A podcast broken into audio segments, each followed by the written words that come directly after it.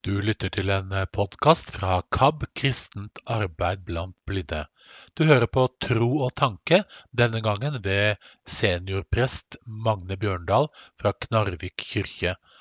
Han snakker om den blinde Bartimeus. Det er Helga Samset som leser teksten. Den blinde Bartimeus. Så kom deg til Jeriko.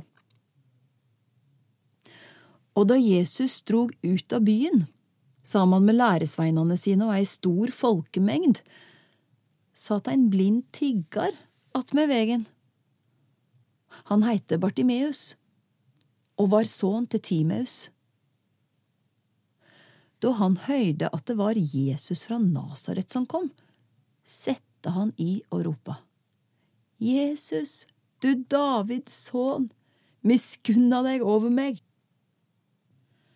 Mange tala hardt til han og ba han teia. Men han ropa bare enda høgare, Du, Davids sønn, miskunna deg over meg. Da stogga Jesus og sa, Rop på han. De ropa på den blinde og sa til han, Vær ved godt mot, reis deg opp, han kaller på deg. Mannen kasta av seg kappa, sprang opp og kom bort til Jesus. Hva vil du at jeg skal gjøre for deg? spurte Jesus. Den blinde svara, Rabuni, lat meg få att synet. Da sa Jesus til han, Gå, du trua di har frelst deg. Med det samme kunne han sjå, og han følgde Jesus på vegen. Hei, jeg heter Magne Bjørndal, og jeg er prest i Nordhordland. Jeg har blitt bedt om å dele noen tanker om tru med deg. Utgangspunktet denne gangen er ei av fortellingene fra Det nye testamentet om at Jesus møtte en som var blind. Den står i Markusevangeliet kapittel 10 fra vers 46. Når en er prest og har gudstjeneste søndag etter søndag, så møter en med jevne mellomrom denne og andre fortellinger om at Jesus helbreder en som er blind. De er, for å si det sånn, en del av jobben. For meg blir de likevel òg noe mer. Jeg er født blind og merker hver dag på kroppen de avgrensingene som dette fører med seg. Innimellom kjenner jeg òg på ei sorg over alt jeg går glipp av. Jeg skulle gitt mye for å få se det jeg er glad i, eller vestlandske fjorder og fjell en vakker vårdag. Det er ikke fritt for at jeg blir misunnelig, og tenker at jeg gjerne skulle ha vært i Bartimeus sine sko. Samtidig veit jeg òg at som blind i verdens rikeste land på 2020-tallet, så har jeg heilt andre og mykje bedre livsvilkår enn Bartimeus hadde. Gjennom punktskrift og syntetisk tale har jeg tilgang til enorme mengder tekst. Jeg har rett på transport med taxi og en drøss med andre støttetiltak og hjelpemiddel som han ikke engang kunne drømme om. På en helt annen måte enn han kunne, så kan jeg leve et aktivt og meningsfylt liv, sjøl om jeg er blind. Jeg skulle gjerne kunne sjå, og jeg skulle gjerne visst hvorfor Jesus ikke gjør meg sjående når han gjorde det med Bartimeus. Enn så lenge finner jeg ikke svaret på det. Så får jeg heller bruke kreftene på det som jeg får gjort noe med, og det er en hel del. Fortellinga om Bartimeus kan være vanskelig å komme til rette med, men den inspirerer meg òg til å arbeide for like retter og likestilling for synshemma og andre med nedsatt funksjonsevne. Det arbeidet resulterer ikke i at vi kan kvitte oss med rullestolen eller den hvite stokken, eller hva det nå er som hjelper oss framover. men det får dører til å åpne seg og gjør at vi i større grad både kan yte og nyte på lik linje med andre. For trass i alle gode tiltak og all likestillingskamp, så vil Kyrie-ropet stadig lye. Herre, miskunna deg over meg. En trenger selvsagt ikke ha dette ropet som et fast element i gudstjenestefeiringa, men det er tankevekkende at det for millioner av kristne over hele verden er et av de vanlige ledda i gudstjenesteliturgien.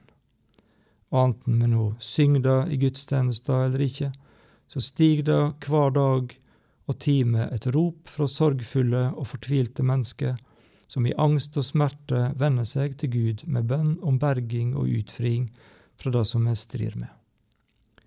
Hvorfor Gud, tilsynelatende iallfall, ikke svarer på disse ropa, det ligger i det skjulte. Likevel oppleves det godt å legge det som vi strever med, framfor Gud, så får Han ta seg av det, til den tid og på den måten som Han finner best. Fra mitt liv kan det stige bønner om hjelp og rop om Guds miskunn som henger sammen med at jeg er blind. Men det kan like gjerne være helt andre ting som jeg strever med, og som jeg vender meg til Gud om. Derfor vil jeg gjerne at når jeg trenger hjelp, og det gjør jeg rett som det er, så skal den som tilbyr hjelp, møte meg på litt av den samme åpne måten som Jesus møtte Bartimeus på. Hva vil du at jeg skal gjøre for deg? spurte Jesus. Var ikke da et bortkasta spørsmål og bortkasta tid? Er det ikke opplagt hva en blind mann vil, så Jesus bare kan gå rett på sak? Nei, det er ikke opplagt. Jeg skulle, som sagt, gjerne vært seende, men i perioder i livet har jeg hatt bruk for hjelp med helt andre ting. Synstapet har jeg tross alt levd med gjennom hele livet, og har lært meg å takle nokså bra. Og så er det så viktig å få komme til orde, ikke bli tatt for gitt, og at andre mener de veit best hva jeg trenger. Det hender ikke så ofte, men det er faktisk ikke så lenge siden sist jeg opplevde å bli stansa av en som sa han var overbevist om at Jesus kunne gjøre meg frisk, og som gjerne ville be for meg. Jeg var på vei hjem fra jobb en helt vanlig ettermiddag, da det kom en mann opp bak meg som uten å presentere seg eller innleie en samtale på en alminnelig måte, sa han gjerne ville be for meg. Tanken var god, og han skal ha for iveren og innsatsviljen, men som strategi for å nå ut med den kristne budskapen, så er jeg temmelig sikker på at dette er ganske mislykka. Han som ville be for meg, ønskte nok å peke på Jesus, men i stedet så oppnådde han, i mitt tilfelle iallfall, lite annet enn å avsløre manglende folkeskikk. Han kunne heller ha lært av Jesus, gitt seg tid, gjort seg litt kjent med meg og funnet ut hva jeg ønskte og hadde bruk for. Slik ble Bartimeus møtt, og han fikk oppleve og verta sjåande. Det trur jeg òg at jeg skal få oppleve i dette livet eller i det neste. Når og korleis får være Guds sak. Fortellinga om Bartimeus er i alle fall et hint om at Gud en gang skal føre alle som følger Han, ut fra mørket og inn i sitt underfulle lys.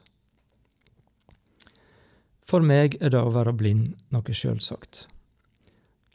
Det er bare sånn det er. For andre kan det nok være fascinerende, ja kanskje beint fram skremmende, å tenke på at en kunne miste synet. Du har hørt eh, en episode av Tro og tanke fra KAB, kristent arbeid blant blinde og svaksynte. Vil du høre flere slike, så kan du søke på Tro og tanke.